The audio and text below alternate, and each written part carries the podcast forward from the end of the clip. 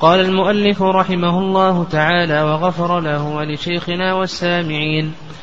كتاب الظهار وهو محرم فمن شبه زوجته أو بعضها ببعض أو بكل من تحرم عليه أبدا بنسب أو رضاع من ظهر أو بطن أو عضو آخر لا ينفصل بقوله لها أنت علي أو معي أو مني كظهر أمي أو كيد أختي أو وجه حماتي ونحوه.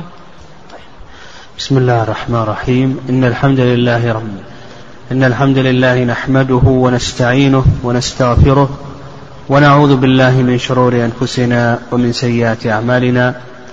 من يهده الله فلا مضل له ومن يضلل فلا هادي له. وأشهد أن لا إله إلا الله وحده لا شريك له. وأشهد أن محمدا عبده ورسوله. اللهم صل وسلم وبارك على نبينا محمد وعلى آله وصحبه أجمعين. وبعد. قال المؤلف رحمه الله كتاب الظهار وهو محرم. الظهار في اللغة يطلق على منها الغلبة والعلو والتقاطع. وأما في الاصطلاح فهو أن يشبه زوجته بمن تحرم عليه على التأبيد. يقول في الاصطلاح أن يشبه زوجته بمن تحرم عليه على التأبيد. قال المؤلف رحمه الله تعالى وهو محرم. هذا هو الحكم التكليفي للظهار. يقول بأنه محرم. لقول الله عز وجل وإنهم ليقولون منكرا من القول وزورا زور كذب. يعني في باب الخبر كذب زور.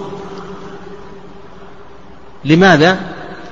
لأنه يدعي أن زوجته كأمه أو كظهر عليه أمه وهذا كذب. فهو زور أي كذب في باب الخبر ومنكر في باب الإنشاء. يعني كونه ينشئ التحريم أيضا هذا منكر حيث إنه يشبه أحل الناس له بأحرم الناس عليه. فهو في باب الإنشاء منكر وفي باب الخبر زور كذب. ولهذا قال سبحانه وإنهم لا يقولون منكرا من القول وزورا. وكان الظهار في الجاهلية كان طلاقا ثلاثا. ثم نقل ذلك في الإسلام إلى الكفارة المغلظة ولا يكون طلاقا وإلا كان في أول في الجاهلية وفي أول الإسلام كان طلاقا بائنا ثم بعد ذلك نقل إلى كونه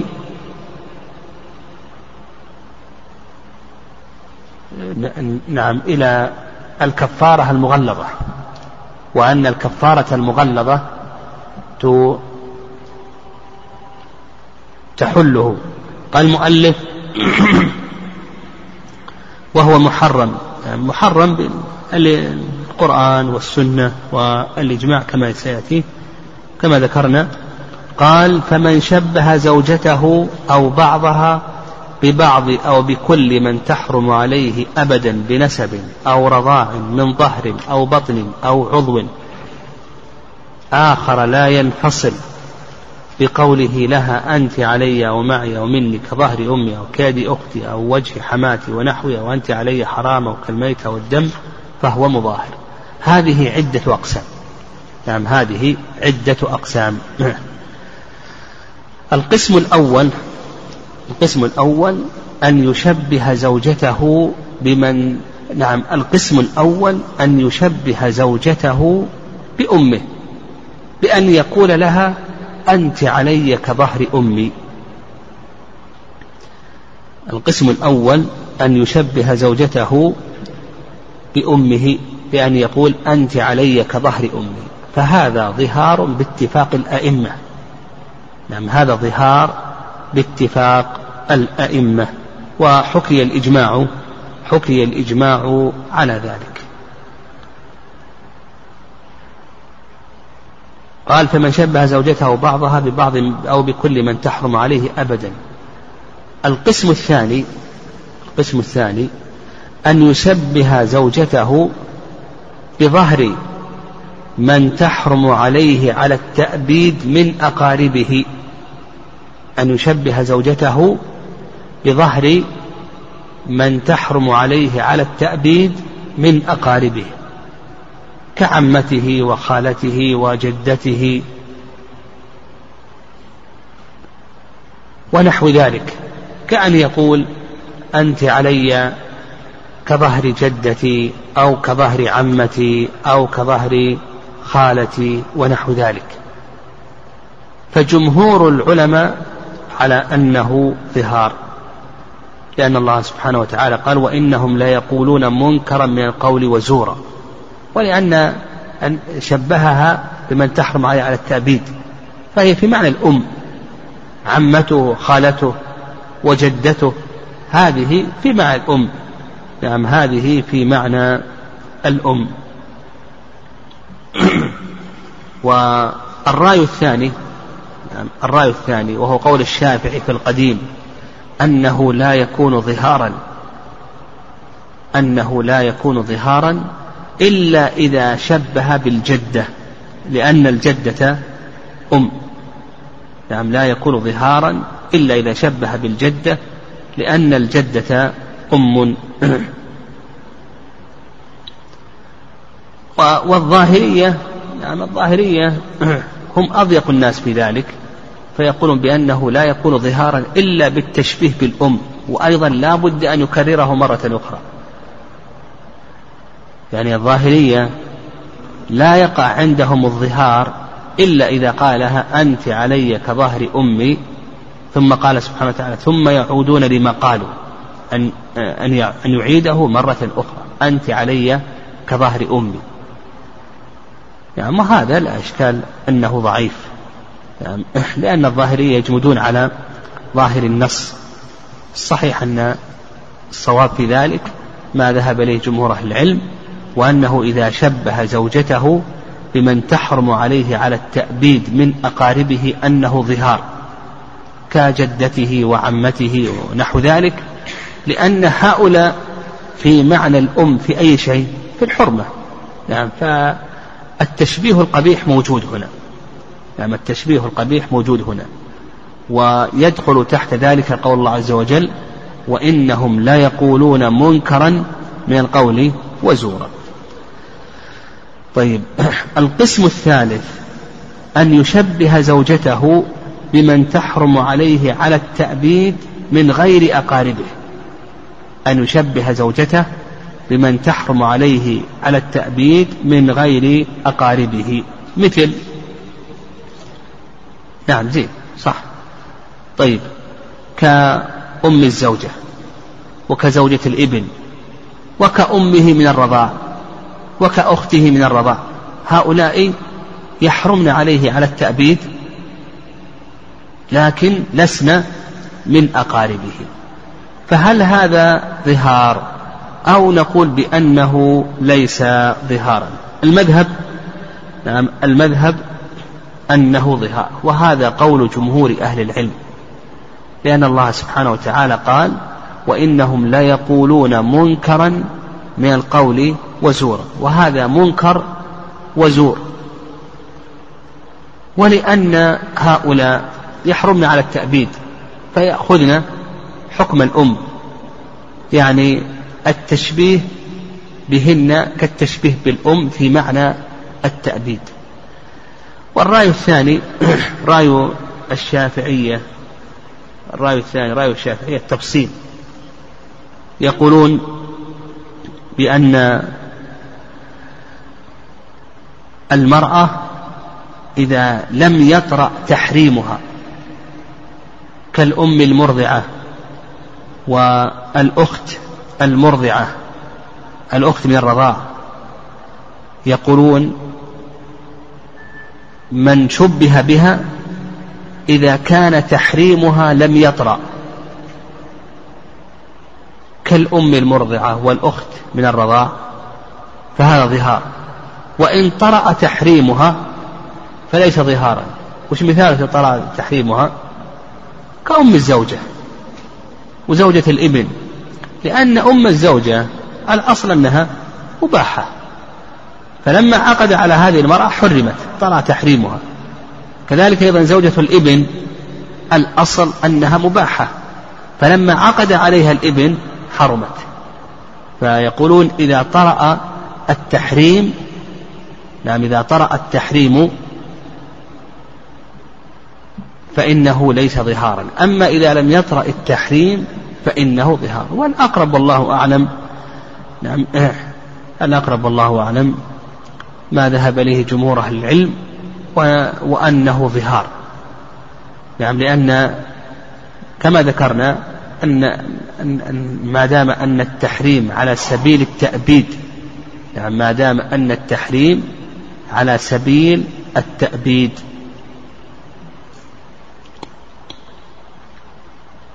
فهن في معنى الأم والله أعلم.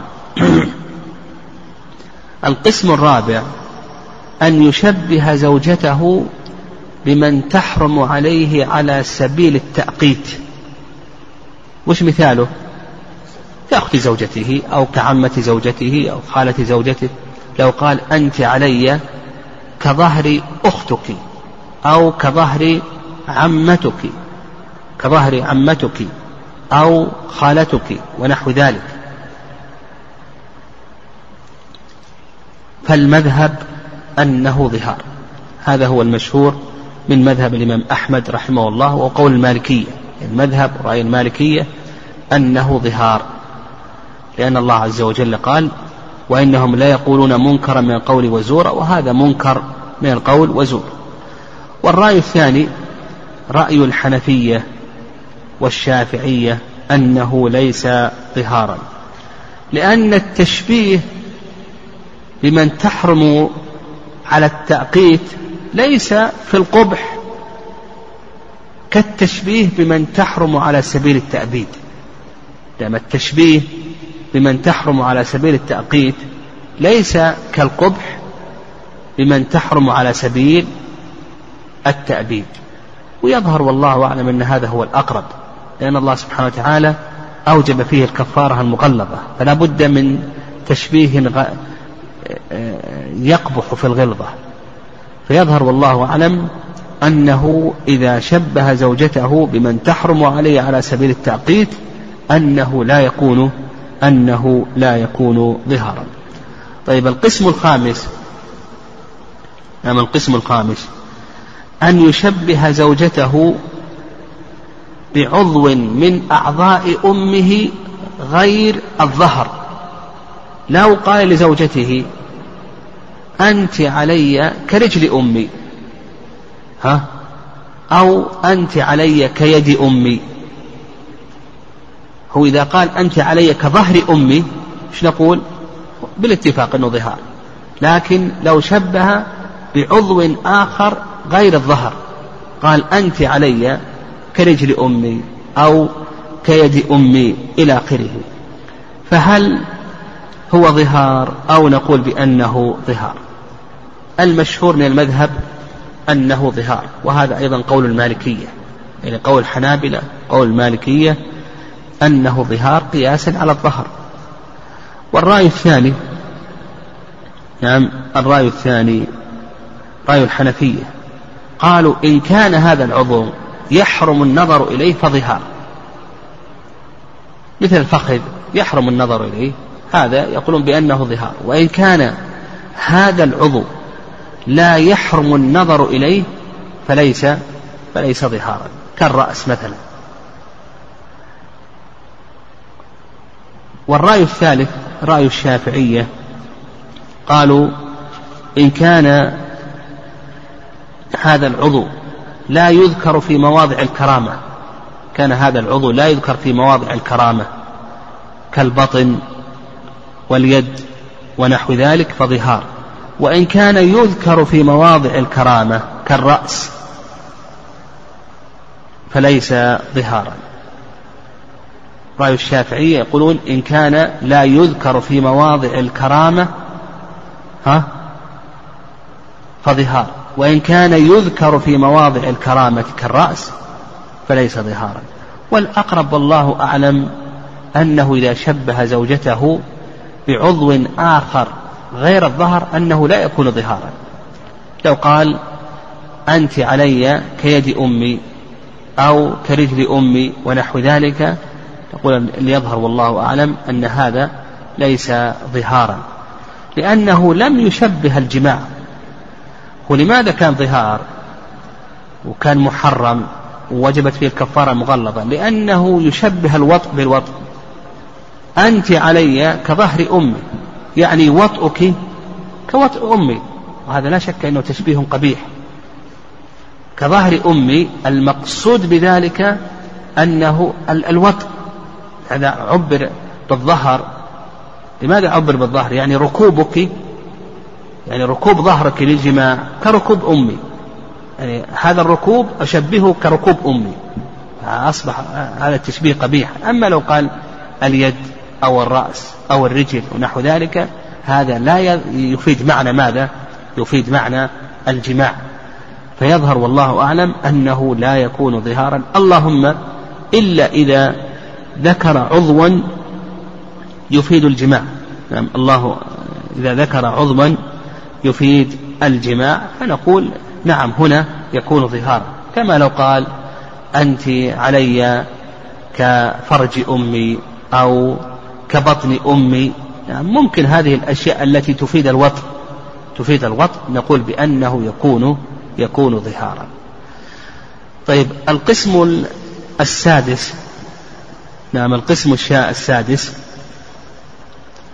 إذا شبه عضوا من أعضاء الزوجة. هنا في القسم الذي قبله شبه الزوجة بعضو غير الظهر. لكن هنا شبه عضوا من أعضاء الزوجة. قال يدك علي كظهر أمي.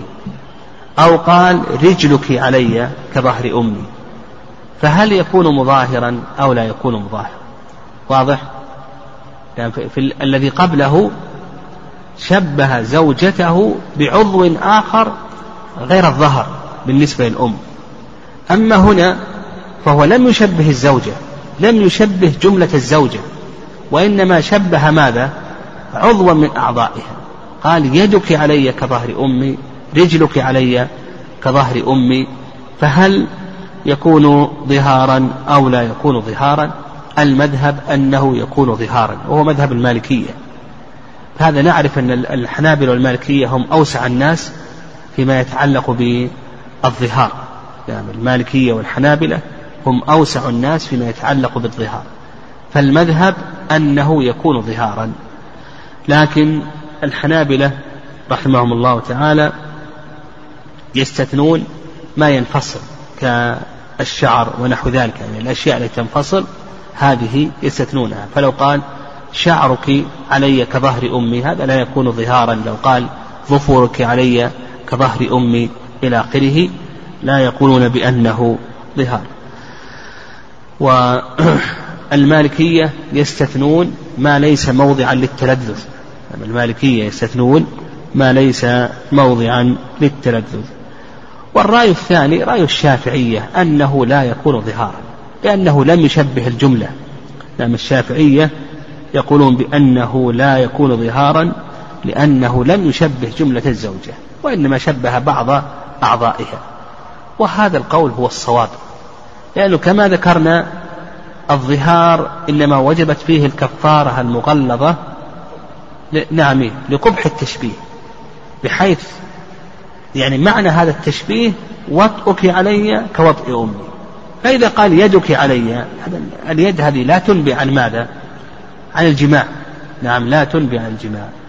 طيب القسم السابع أن يشبه عضوا من أعضاء زوجته بعضو من أعضاء أمه غير الظهر. والذي قبله ماذا؟ شبه عضوا من أعضاء زوجته بظهر أمه. هنا شبه عضوا من أعضاء زوجته بعضو آخر من أعضاء زوجته غير الظهر. لو قال يدك علي كيد أمي أو يدك علي كرجل أمي أو كرأس أمي أو رأسك علي كرأس أمي إلى آخره. فهل فهل هذا يكون ظهارا أو لا يكون ظهارا؟ المذهب مذهب المالكية يرون أنه ظهار. نعم المذهب مذهب المالكية يرون أنه ظهار. وعند الشافعية يقولون بأن العضو إذا كان لا يذكر في مواضع الكرامة فظهار وإلا فليس ظهار. العضو يقولون إذا كان العضو لا يذكر في مواضع الكرامة فليس ظهار وإلا فإنه يكون ظهارا. والأقرب في هذه المسألة كما تقدم والله أعلم أنه لا يكون ظهارا. هذا الأقرب لأنه كما تقدم لنا أنه لا بد من التشبيه القبيح وهذا ليس فيه تشبيه قبيح. اللهم إلا إذا شبه عضوا من أعضاء زوجته بعضو من أعضاء أمه مما يفيد الجماع. إذا شبه عضوا من أعضاء زوجته بعضو من أعضاء أمه بما يفيد الجماع. كما لو قال ظهرك علي كظهر أمي ونحو ذلك أو فرجك علي كفرج أمي أو بطنك علي كبطن أمي مما يفيد الجماع. فيظهر والله أعلم أنه يكون ظهارا. قال من ظهر أو بطن أو عضو آخر لا ينفصل إلى آخره. تكلمنا عليها في الأقسام بقوله أنت علي أو معي أو على أو مني كظهر أمي أو كيد أختي أو وجه حماتي أو أنت علي حرام. هذا القسم كم؟ ها؟ القسم الثامن. إذا قال لزوجته أنت علي حرام. وهذه المسألة سبق أن تطرقنا إليها لكن لا بأس. أن نعيدها. إذا قال لزوجته أنت علي حرام فنقول بأن هذا ينقسم إلى كم؟ إلى قسمين. يعني ينقسم إلى قسمين. القسم الأول ألا يقصد اليمين. يعني لا يقصد بقوله أنت علي حرام. لا يقصد اليمين الحث والمنع والتصديق والتكذيب. وإنما يقصد مجرد التحريم. ويقول القسم الأول ألا يقصد اليمين. وإنما يقصد ماذا؟ ها؟ مجرد التحريم يعني يقصد مجرد التحريم. وهذا موضع خلاف بين العلماء رحمهم الله تعالى. المشهور من المذهب أنه ماذا؟ ها؟ أنه ظهار. وهذا اختيار شيخ الإسلام ابن تيمية رحمه الله وابن القيم. لورود ذلك عن ابن عباس رضي الله تعالى عنهما بإسناد صحيح. فإن رجلا جاء ابن عباس رضي الله تعالى عنهما وقال له إني جعلت امرأتي علي حراما. فقال ابن عباس كذبت ليست عليك بحرام. ثم قرأ قوله تعالى يا أيها النبي لم تحرم ما حل الله لك؟ عليك أغلظ الكفارة. نعم عليك أغلظ الكفارة عتق رقبة. وهذا رواه عبد الرزاق في مصنفه وإسناده صحيح. نعم هذا إسناده صحيح. فقوله عليك أغلظ الكفارة عتق رقبة يدل على أنه جعله ماذا؟ ها؟ جعله ظهارا. الرأي الثاني رأي الحنفية. نعم الرأي الثاني رأي الحنفية. تفصيل في المسألة. قالوا إن أراد الطلاق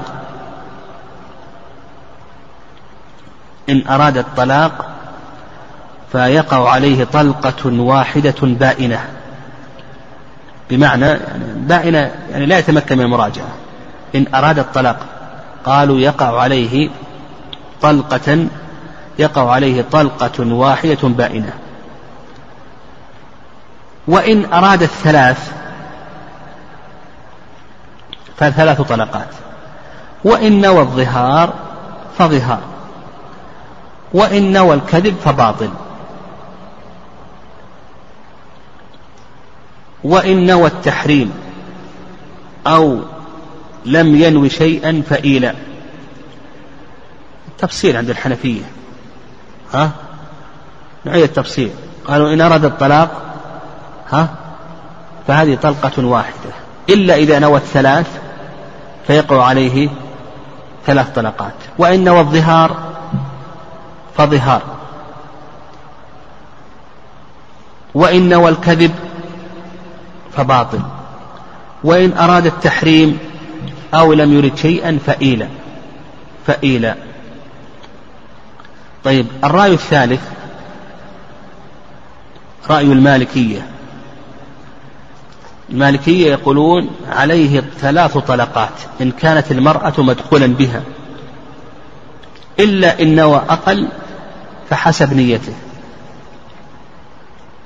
عليه ثلاث طلقات إن كانت المرأة مدخولا بها.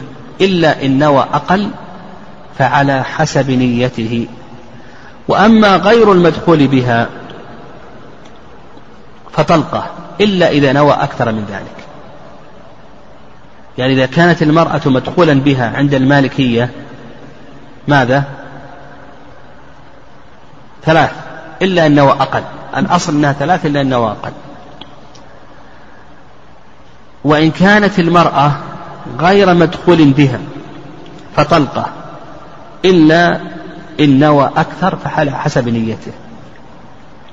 طيب عند الشافعية عند الشافعية إن نوى طلاقا فعلى حسب ما نوى. إن نوى طلاقا فعلى حسب ما نوى من العدد. وإن نوى ظهارا كان ظهارا. وإن نواهما جميعا تخير أحدهما. إن نوى طلاقا فطلاق على حسب ما نوى من العدد نوى واحد أو اثنتين أو ثلاث إلى آخره. إن نوى ظهارا فظهار. إن نواهما جميعا يقولون بأنه يتخير أحدهما. وإن نوى التحريم فعليه كفارة يمين. الرأي الرابع وهذه المسألة مسألة التحريم يعني كثرت فيها أقوال العلماء رحمهم الله. وذكر فيها ابن القيم رحمه الله تعالى في كتابه الهدي أقوالا كثيرة. كذلك أيضا الشوكاني في الأوطار بن حجر رحمه الله في فتح الباري وغيرهم من أهل العلم. سبق أن كتبنا فيها رسالة تحريم الزوجة. كتبت فيها رسالة طبعت قبل سنوات. طيب الرأي الثالث أو الرابع. نعم الرأي الرابع رأي الظاهرية. يقولون بأنه لغو. لا يترتب عليه شيء. لأنه عمل ليس عليه أمر الله ولا أمر رسوله صلى الله عليه وسلم. الرأي الخامس أو الرأي السادس. وهذا ذهب إليه طوائف من السلف. نعم ذهب إليه طوائف من السلف أنه يمين أن التحريم هذا يمين إلا إن نوى الطلاق فطلق قال به طاووس نعم طاووس والزهري والحسن البصري والنخعي وإسحاق يقولون حكم حكم ماذا؟ اليمين. إلا إن نوى الطلاق فحكمه ماذا؟ طلق وهذا القول هو أرجح الأقوال. هذا القول هو أرجح الأقوال. يمين لأن الله سبحانه وتعالى قال يا أيها النبي لم تحرم ما أحل الله لك؟ تبتغي مرضات أزواجك والله غفور رحيم. قد فرض الله لكم تحلة أيمانكم. وقد جاء عن ابن عباس رضي الله تعالى عنهما في الصحيحين قال الحرام يمين. يكفرها قال الحرام يمين. إلا إن نوى الطلاق فنقول بأنه ماذا؟ ها؟ طلاق. لماذا؟ أو ما الدليل؟ كناية صح. وأيضا أن هذا وارد عن الصحابة رضي الله تعالى عنهم. هذا وارد عن الصحابة رضي الله تعالى عنهم أنه إذا نوى الطلاق فهو طلاق. واضح؟ واضح الخلاصة فيه. لأن هذه المسألة يكثر السؤال عنها. فتحريم الزوجة هذا القسم الأول. إذا لم ينوي به اليمين الحث والمنع والتصديق والتكذيب. في هذه الأقوال. وأرجح هذه الأقوال أن فيه كفارة يمين. إلا إن نوى الطلاق ها؟ فعليه طلاق لأن هذا هو الوارد عن الصحابة رضي الله تعالى عنهم كعائشة وزيد بن ثابت وابن عمر وابن مسعود رضي الله تعالى عنهم هذا وارد عنهم بأسانيد صحيحة. طيب القسم الثاني أن ينوي بالتحريم ماذا؟ اليمين الحث أو التصديق أو التكذيب أو المنع. كما لو قال إن خرجت فأنت علي حرام. أو إن لم يكن هذا الخبر صدقا فزوجتي علي حرام إلى آخره. قصد بذلك اليمين. فالخلاف في هذه المسألة كالخلاف في المسألة السابقة. إلا أن شيخ الإسلام تيمية رحمه الله في هذه المسألة يخالف. يقول إذا قصد اليمين ها فحكمه ماذا؟ حكمه حكم اليمين.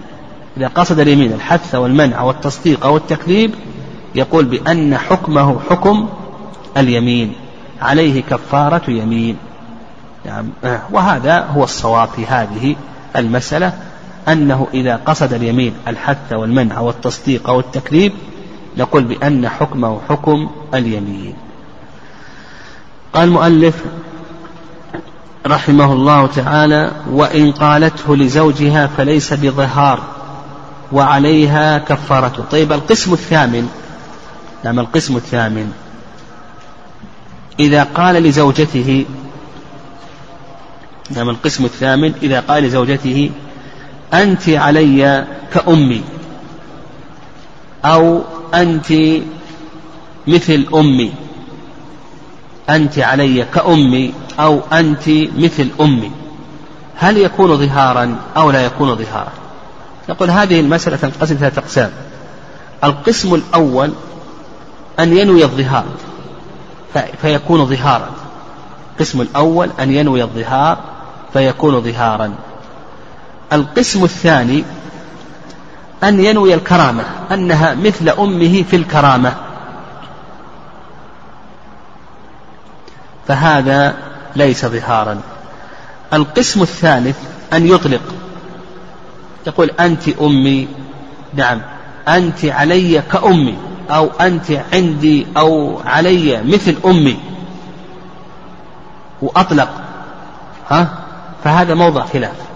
هذا موضع خلاف. فالحنابلة والمالكية يرون أنه ظهار والحنفية والشافعية الحنابلة والمالكية يرون أنه ظهار. والحنفية والشافعية يقولون بأنه ليس ظهارا. والذي يظهر والله أعلم أنه ليس ظهارا. لأن هذا اللفظ متردد. يستعمل في الظهار ويستعمل في غيره في الكرامة ونحو ذلك.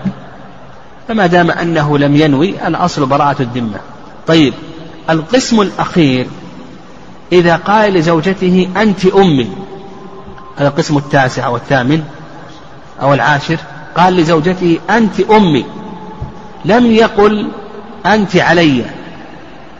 قال لزوجته أنت أمي أو أنت كأمي. لم يقل ماذا؟ أنت لم يأتي بلفظ علي أو عندي. قال أنت أمي أو كأمي أو مثل أمي. المهم أنه لم يأتي بلفظ علي أو عندي. فهذا كما تقدم إن نوى الظهار ظهار. وإن نوى في الكرامة فليس ظهار وإن لم ينو شيئا فليس ظهارا.